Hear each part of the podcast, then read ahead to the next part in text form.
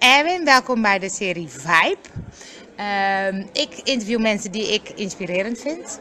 Ik vind jou heel inspirerend. Ik vind je dat je heel erg leuk schrijft. Mooie verhalen vertelt. Presentaties heb ik bij je eh, gevolgd. Vond ik ook heel interessant. Het verhaal wat me bijblijft, wat we in de introductie hebben gezegd, is de jongen met de cola. Kun je dat nog eens vertellen?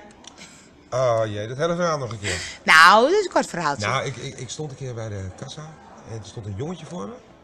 En die had twee blikjes cola. En die blikjes kosten 52 cent per stuk. En toen sloeg de cashier het aan en dat was dus 1,05 euro. En het jongetje maakte zo zijn vuist open en die keek zo heel bedremmeld, want hij had maar 1 euro.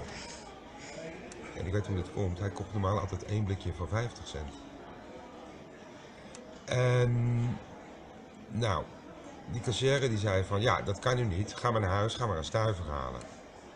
En dat vond ik natuurlijk heel vervelend voor het jongetje. Dat vond ik niet leuk. Dat je kinderachtig ook. Regels en regels.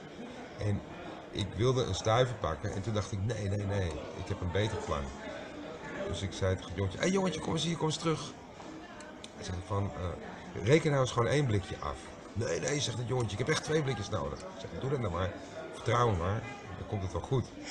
Het jongetje keek hem zo aan en hij betaalt één, eh, één blikje. En de cashier slaat aan 52 cent. En toen zei de cashier, dat is 50 cent. Het jongetje betaalde met een euro. En toen kreeg hij dus een, een muntje van 50 terug. En toen zei ik, kijk, nu kun je ook het andere blikje kopen.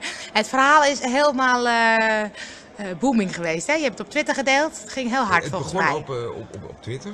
Ehm,